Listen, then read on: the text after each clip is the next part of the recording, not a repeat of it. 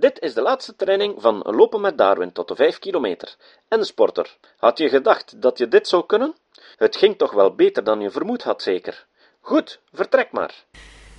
Ik veronderstel in geen dele dat alle moeilijkheden weggenomen zijn, door hetgeen ik hier gezegd heb over de verwantschap der soorten, die in de noordelijke en zuidelijke gematigde streken der aarde op de bergen tussen de keerkringen leven. Nee, er blijven nog altijd vele zwarigheden over. Ik beweer volstrekt niet dat wij alle wegen en middelen ter verhuizing kennen, en evenmin dat wij de reden weten waarom zekere soort is verhuisd en een andere niet, waarom zekere soort gewijzigd is geworden en aanleiding heeft gegeven tot het ontstaan van nieuwe soorten, en een andere onveranderd is gebleven. We zullen zulke feiten niet kunnen verklaren, dan tenzij we in staat zijn om te zeggen waarom de ene soort wel en de andere soort niet door de mens in een vreemd land inheems gemaakt kan worden. Waarom de ene soort een twee of driemaal groter gebied heeft, of twee of driemaal meer gemeen is dan een andere, en wel in de eigene woonplaatsen. Ik zei, er blijven nog altijd veel zwarigheden over. De merkwaardigsten zijn met een grote klaarheid opgesomd door Dr. Hoeker in zijn kruidkundige werken over de Zuidpoolstreken. Ze kunnen hier niet besproken worden. Ik wil hier slechts zeggen dat wat betreft het voorkomen van dezelfde soorten op punten zo ontzaglijk ver van elkander gelegen als Kerguelenland, Nieuw-Zeeland en het Vuurland, ik het ervoor hou dat tegen het laatst van de ijstijd vooral ijsbergen de middelen geweest zijn ter verspreiding van die soorten, gelijk door Lyell wordt beweerd.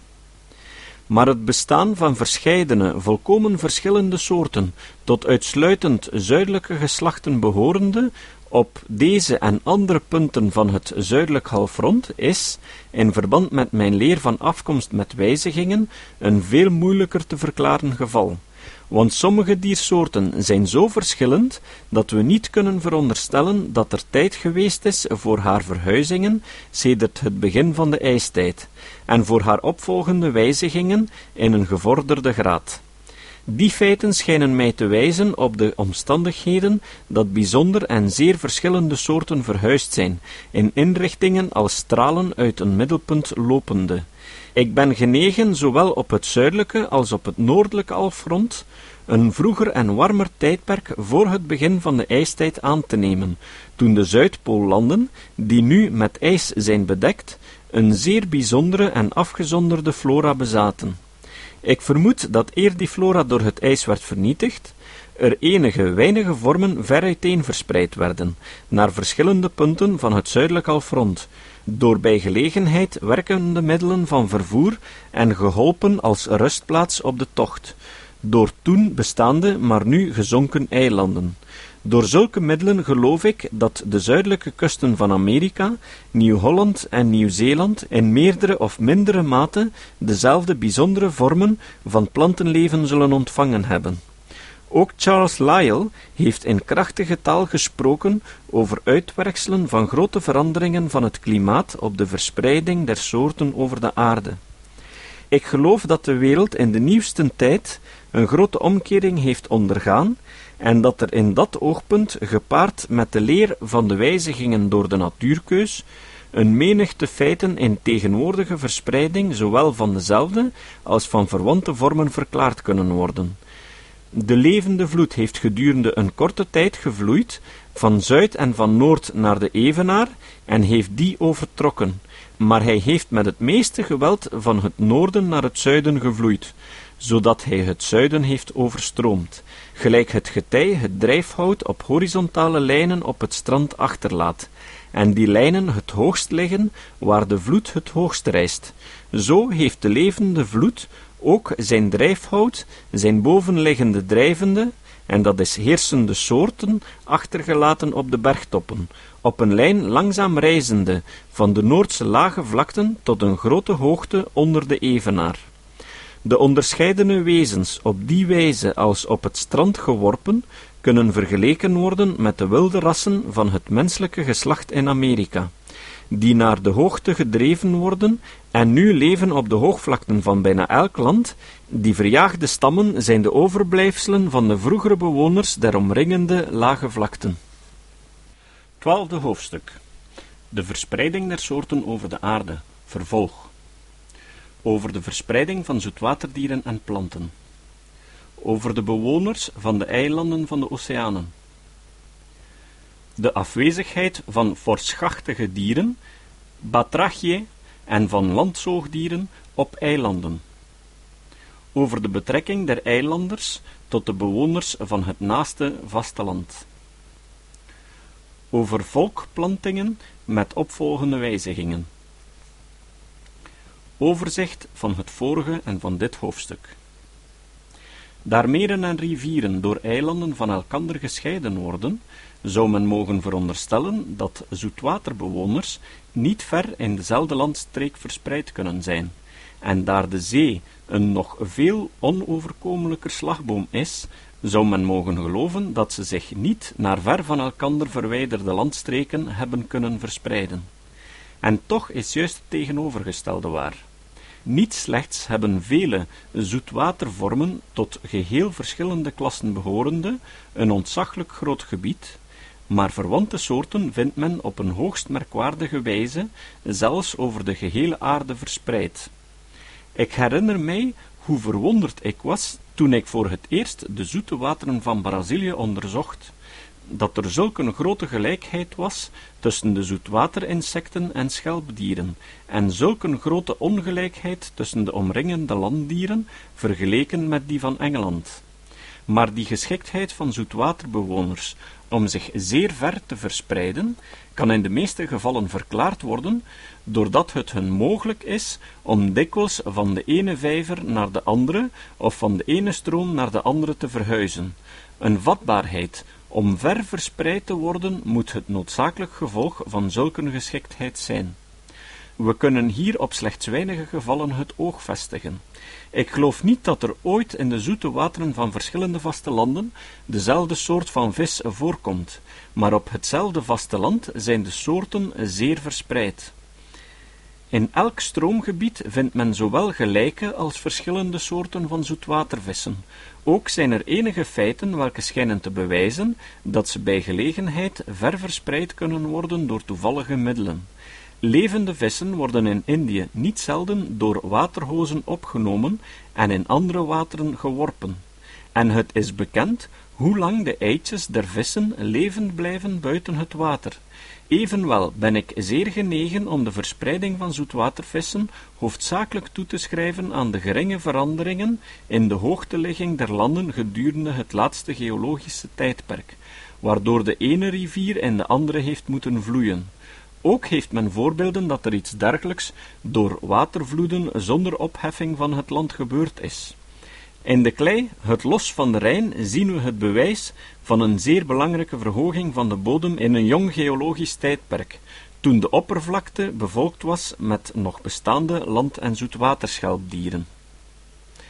Het zeer grote onderscheid in de vissen aan weerszijden van belangrijke gebergten die reeds sedert veel vroegere tijdvakken rivieren naar beide zijden hebben uitgezonden en volkomen belet hebben dat die wateren in elkander vloeiden, schijnen tot dezelfde uitkomst te leiden. Het is waar, er zijn veel onverklaarbare gevallen van verwante zoetwatervissen op zeer ver van elkaar gelegen punten der aarde voorkomende, maar sommige zoetwatervissen behoren tot zeer oude vormen. En in die gevallen zal er tijd genoeg geweest zijn voor grote veranderingen der oppervlakte, en bij gevolg tijd en middelen genoeg voor vele en verre verhuizingen. Verder, zeevissen kunnen met enige moeite langzamerhand gewend worden om in zoet water te leven, en volgens Valentius is er nauwelijks één enkele groep van vissen die uitsluitend in zoet water leeft, zodat we mogen stellen dat een in de zee wonend lid van een zoetwatergroep ver langs de kusten van de zee kan trekken en vervolgens gewijzigd en geschikt worden voor het zoete water van een ver afgelegen land. Enige soorten van zoetwaterschelpdieren zijn zeer ver verspreid, en verwante soorten die volgens mijn leer van een gemene stamvader afkomstig zijn, vindt men over de gehele wereld verspreid. Die grote verspreiding verwonderde mij ten hoogste toen ik haar voor het eerst waarnam. Wijl de eieren dier schelpdieren niet geschikt zijn om door vogels overgebracht te worden, ook sterven zij, zowel als de volwassen schelpdieren zelven terstond, als ze in zeewater terechtkomen. Ik kon zelfs niet begrijpen hoe sommige inheemse soorten door dezelfde landstreek verspreid geworden waren. Doch twee feiten die ik waargenomen heb. En er is geen twijfel aan of de zulken blijven nog vele te waarnemen over, gaven mij enig licht in deze zaak. Tweemaal heb ik gezien dat een eend plotseling opvloog uit een met kroos bedekte vijver, en dat er enige van die plantjes op haar rug bleven liggen. Eens is het gebeurd, toen ik enig kroos uit een aquarium in een ander overbracht, dat ik geheel onwillekeurig het ene bevolkte met zoetwaterslakken uit het andere. Doch de volgende proef bewijst misschien nog meer. Ik nam een poot van een eend, boog de tenen op de wijze van een eend die op het water slaapt, en hing toen die poot in een aquarium, waarin zich verschillende eieren van zoetwaterslakken, die op het punt waren van uit te komen, bevonden. Na enige tijd bevond ik dat een menigte van zeer kleine, pasgeboren zoetwaterslakken aan de poot vastzaten, en er zo vast aankleefden dat ze er niet afgeschud noch afgespoeld konden worden, ofschoon ze er gemakkelijk afvielen als ze wat ouder geworden waren.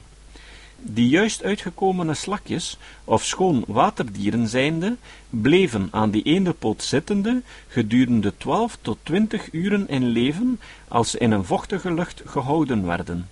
Gedurende die tijd vliegt een eend of een reiger ten minste zes of zevenhonderd mijlen ver, en zal gevolglijk in staat zijn om levende jonge waterslakken naar een eiland van de oceaan of naar een ver afgelegen punt op het vasteland over te brengen. Sir Charles Lyell meldt mij dat er eens een duikerkever, Diticus, gevangen is met een ronde kaphoornslak, Ancylus, die erop vastzat, en een waterkever van dezelfde familie. En een colymbetes kwam eens vliegende aan boord van de Beagle, toen dat schip 45 mijlen van het naaste land verwijderd was. En wie weet hoe ver hij nog gevlogen zou hebben, als de wind hem gunstig was geweest. Het is bekend hoe uiterst ver vele zoetwater- en zelfs moerasplanten verspreid zijn, zowel over gehele vaste landen als over eilanden midden in de oceaan. Dit wordt treffend bewezen, zoals Alphonse de Candolle heeft opgemerkt, door grote groepen van landplanten, die slechts enkele leden hebben, welke in het water leven. Want deze laatste schijnen, alsof het een noodzakelijk gevolg was, terstond een groot gebied te bekomen. Ik geloof dat gunstige middelen ter verspreiding dit feit kan verklaren. Vroeger heb ik gezegd dat er somtijds, hoewel zelden, enige aarde kleeft aan de poten en bekken van vogels. Steltlopers, gralatores, vooral die in het slijk van moerassen en vijvers waden, zijn, als ze plotseling opgejaagd worden, voorzekers zeer geschikt om beslijkte poten te hebben. Ik kan bewijzen dat de vogels tot die orde behorende de grootste tochten doen, dat is het verst trekken, en dat ze nu en dan op de afgelegenste en dorste eilanden des oceaans gevonden worden. Verder laten ze zich op de tocht nooit in zee neder, zodat het slijk niet van hun poten afgespoeld kan worden. En als ze ergens aan land komen, kan men zeker zijn dat ze terstond het zoete water zullen opzoeken. Ik geloof niet dat er vele kruidkundigen zijn die weten hoe vol van zaad het slijk van de bodem der vijvers en poelen is. Ik heb daarvan verscheidene proeven genomen, doch zal er hier slechts één van vermelden. In februari nam ik drie lepels vol slijk van drie verschillende plaatsen onder water uit een kleine vijver. Nadat ik dat slijk gedroogd had, woog het slechts zes en drie kwart ons.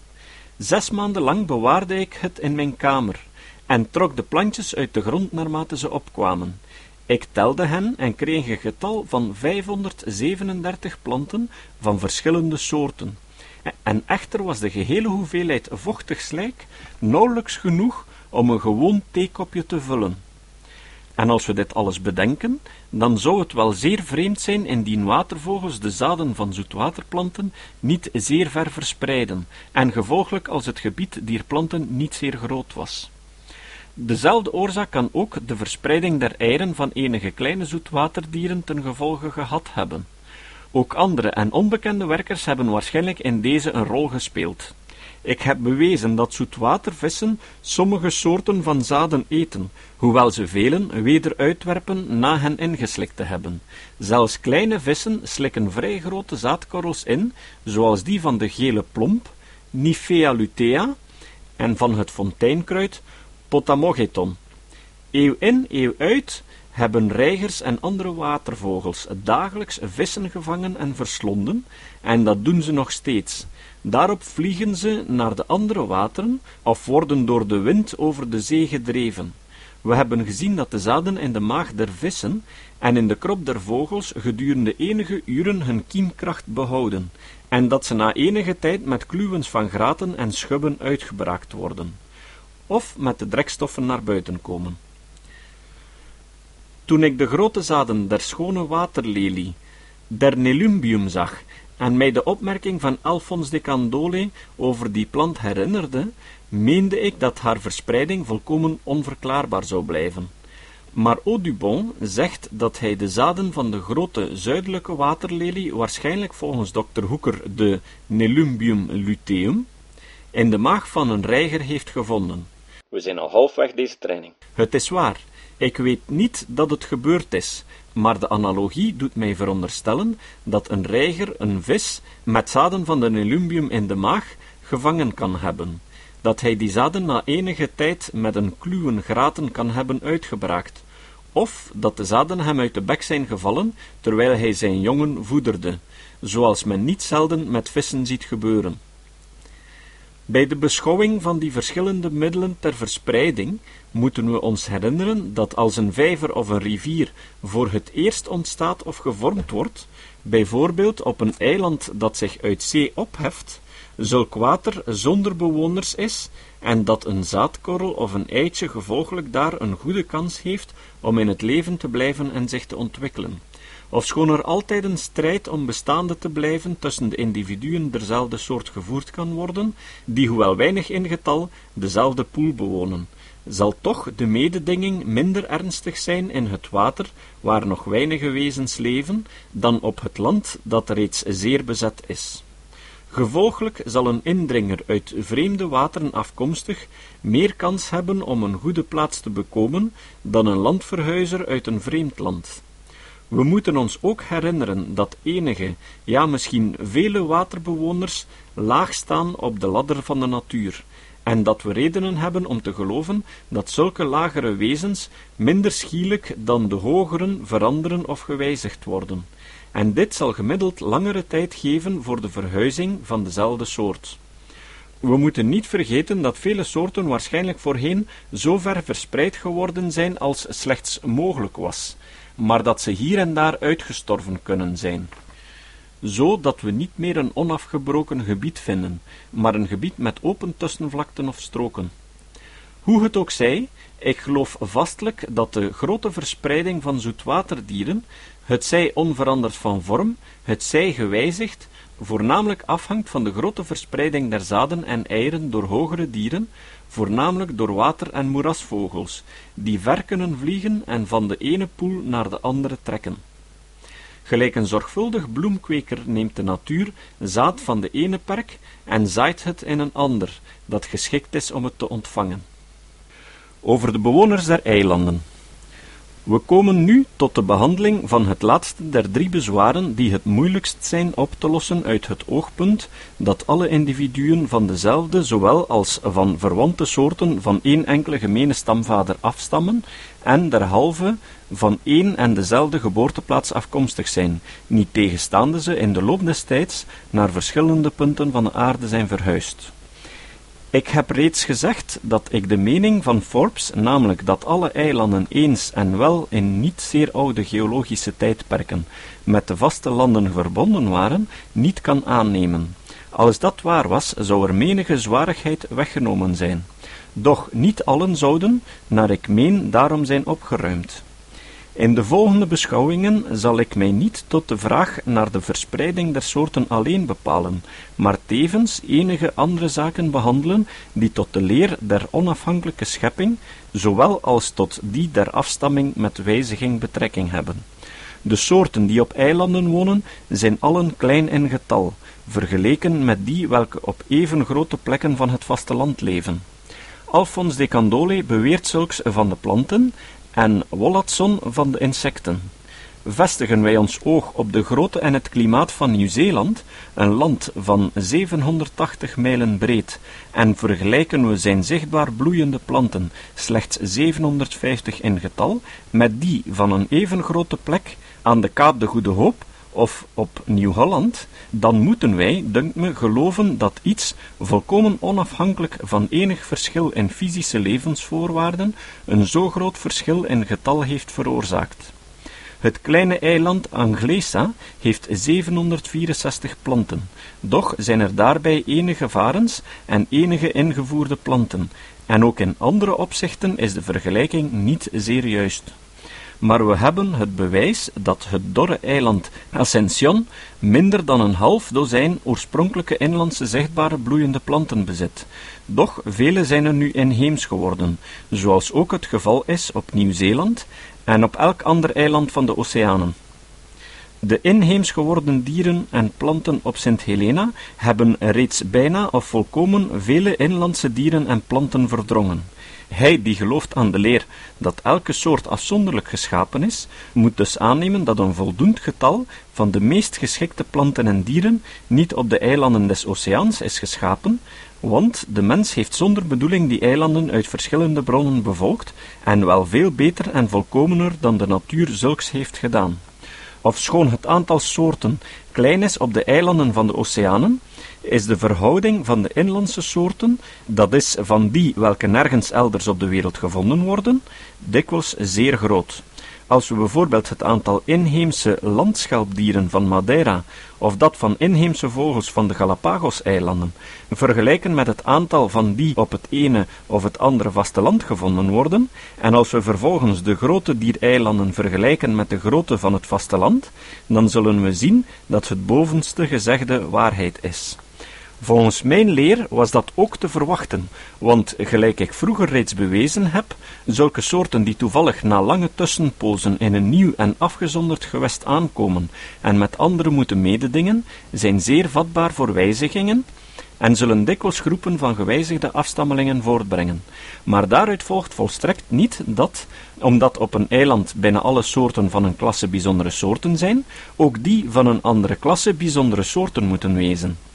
Dit verschil is te wijten gedeeltelijk daaraan dat de soorten die niet gewijzigd zijn met groot gemak en in massa verhuisd zijn, zodat haar wederzijds betrekkingen bijna dezelfde bleven, en gedeeltelijk aan de gedurige aankomst van ongewijzigde landverhuizers uit het moederland en de opvolgende kruising met deze. Ten opzichte van de uitwerkselen van deze kruising, zij herinnert dat de kruislingen veelal veel krachtiger worden, zodat zelfs een toevallige kruising meer van belang is dan men zou veronderstellen. Op de Galapagos-eilanden zijn bijna alle landvogels, maar slechts twee van de elf zeevogels bijzonder aan die eilanden eigen. Evenwel is het te bewijzen dat zeevogels gemakkelijker daar kunnen komen dan landvogels.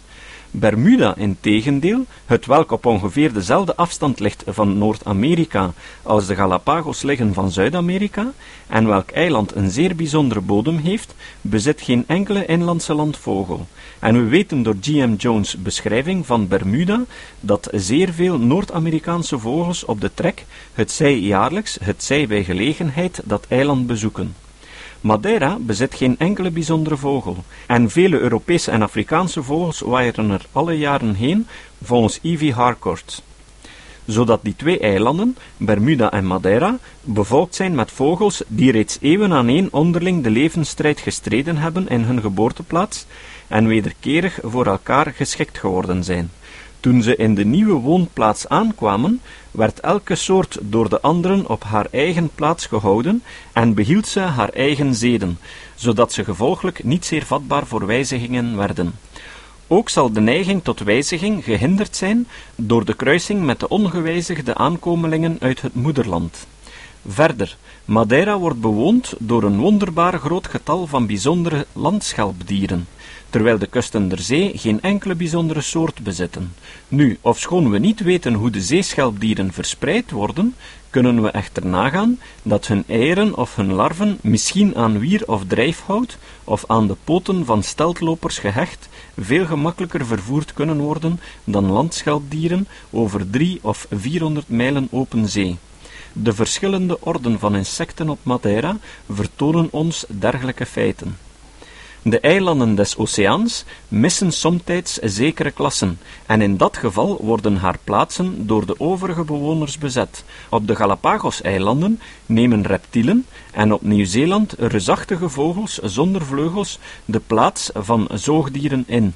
Van de planten der Galapagos heeft Dr. Hoeker bewezen dat de betrekkelijke getallen der verschillende orden zeer onderscheiden zijn van wat zij op andere plaatsen zijn.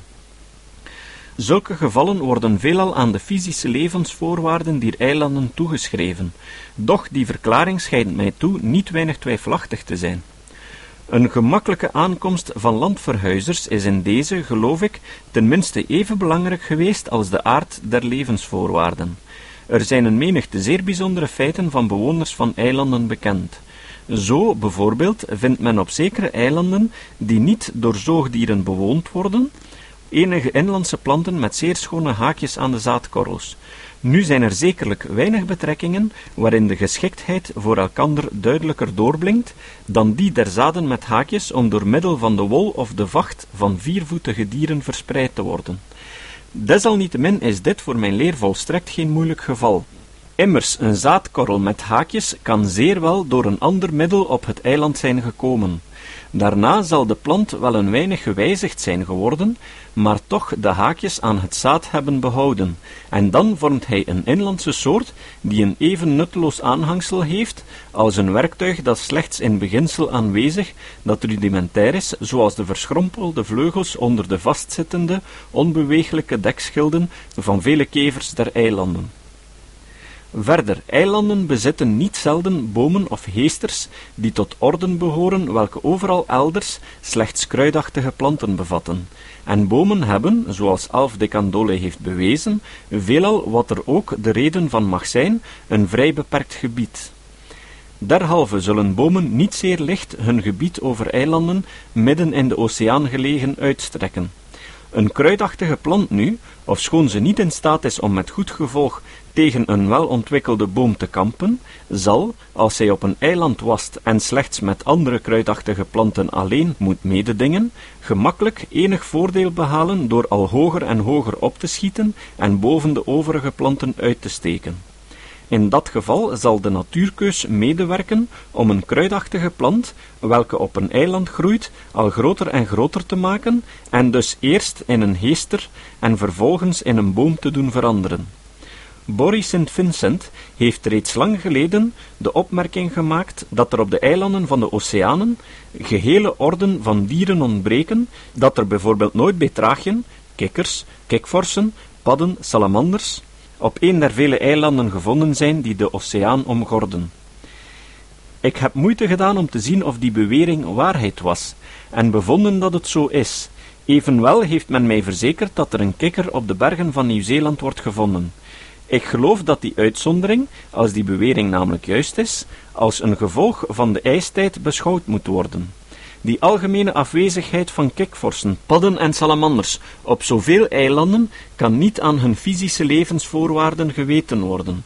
Waarlijk niet. Het schijnt in tegendeel dat eilanden bijzonder wel voor die dieren geschikt zijn, want men heeft kikvorsen op Madeira, op de Azoren en op Mauritius gebracht, en ze zijn daar nu zo vermenigvuldigd dat ze lastig en schadelijk zijn geworden.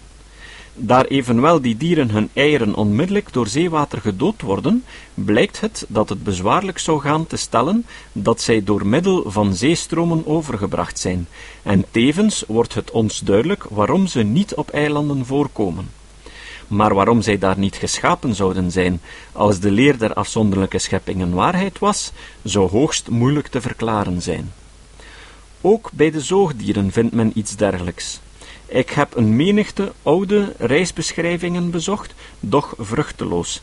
Het is te zeggen, Ik heb geen enkel onfeilbaar zeker geval kunnen vinden van een landzoogdier, met uitzondering natuurlijk van de tamme dieren der inboorlingen, welke een eiland bewoont meer dan 300 mijl van een vastland of van een groot vastelandseiland afgelegen. Vele eilanden op veel geringere afstand gelegen zijn zelfs volkomen onbewoond. Proficiat, we zijn er. Nu enkel nog wat uitwandelen. Ik ga ervan uit dat u nu wel de smaak te pakken hebt. Ik bedoel dan van het lopen, van over het ontstaan der soorten en van het luisteren naar luisterboeken. In de volgende afleveringen van deze reeks kan je gewoon verder lopen op ditzelfde schema. Ik heb de rest van het boek erin opgenomen in stukken van ongeveer 30 minuten, zodat je je conditie verder kan onderhouden. De enige commentaar dat je dan nog zal horen is wanneer we halfweg de training zijn, zodat je kan terugkeren. Voor de rest kan je onbezorgd verder luisteren naar het boek. Als je dat dan uitbeluisterd hebt, kan je op LibriVox een ander luisterboek ophalen, of een commercieel luisterboek kopen, bijvoorbeeld de reeks Kritisch Denken van uh, Johan Braakman, of het boek De Black Swan van Nicolas Nassim Taleb. Of je kan luisteren naar een podcast. En best van al nog, je kan luisteren naar mijn podcast. Om daarop te abonneren, kan je surfen naar mijn website op www.kritischdenken.info. Als je meer ambitie hebt, dan kan je nu overschakelen naar het programma tot 10 kilometer, dat bij de publicatie van deze reeks nog niet beschikbaar zal zijn, maar tegen dat je met de reeks 0 tot 5 kilometer gedaan hebt, zou ik de nieuwe reeks al moeten gepubliceerd hebben, zodat je verder naar Darwin kan luisteren tijdens je training naar de 10 kilometer. Eenmaal je 10 kilometer kan lopen, zou je in principe in staat moeten kunnen zijn om ook een 15 kilometer rally mee te doen. Dan wens ik je nu alleen nog verder veel succes met je loopcarrière. Dag!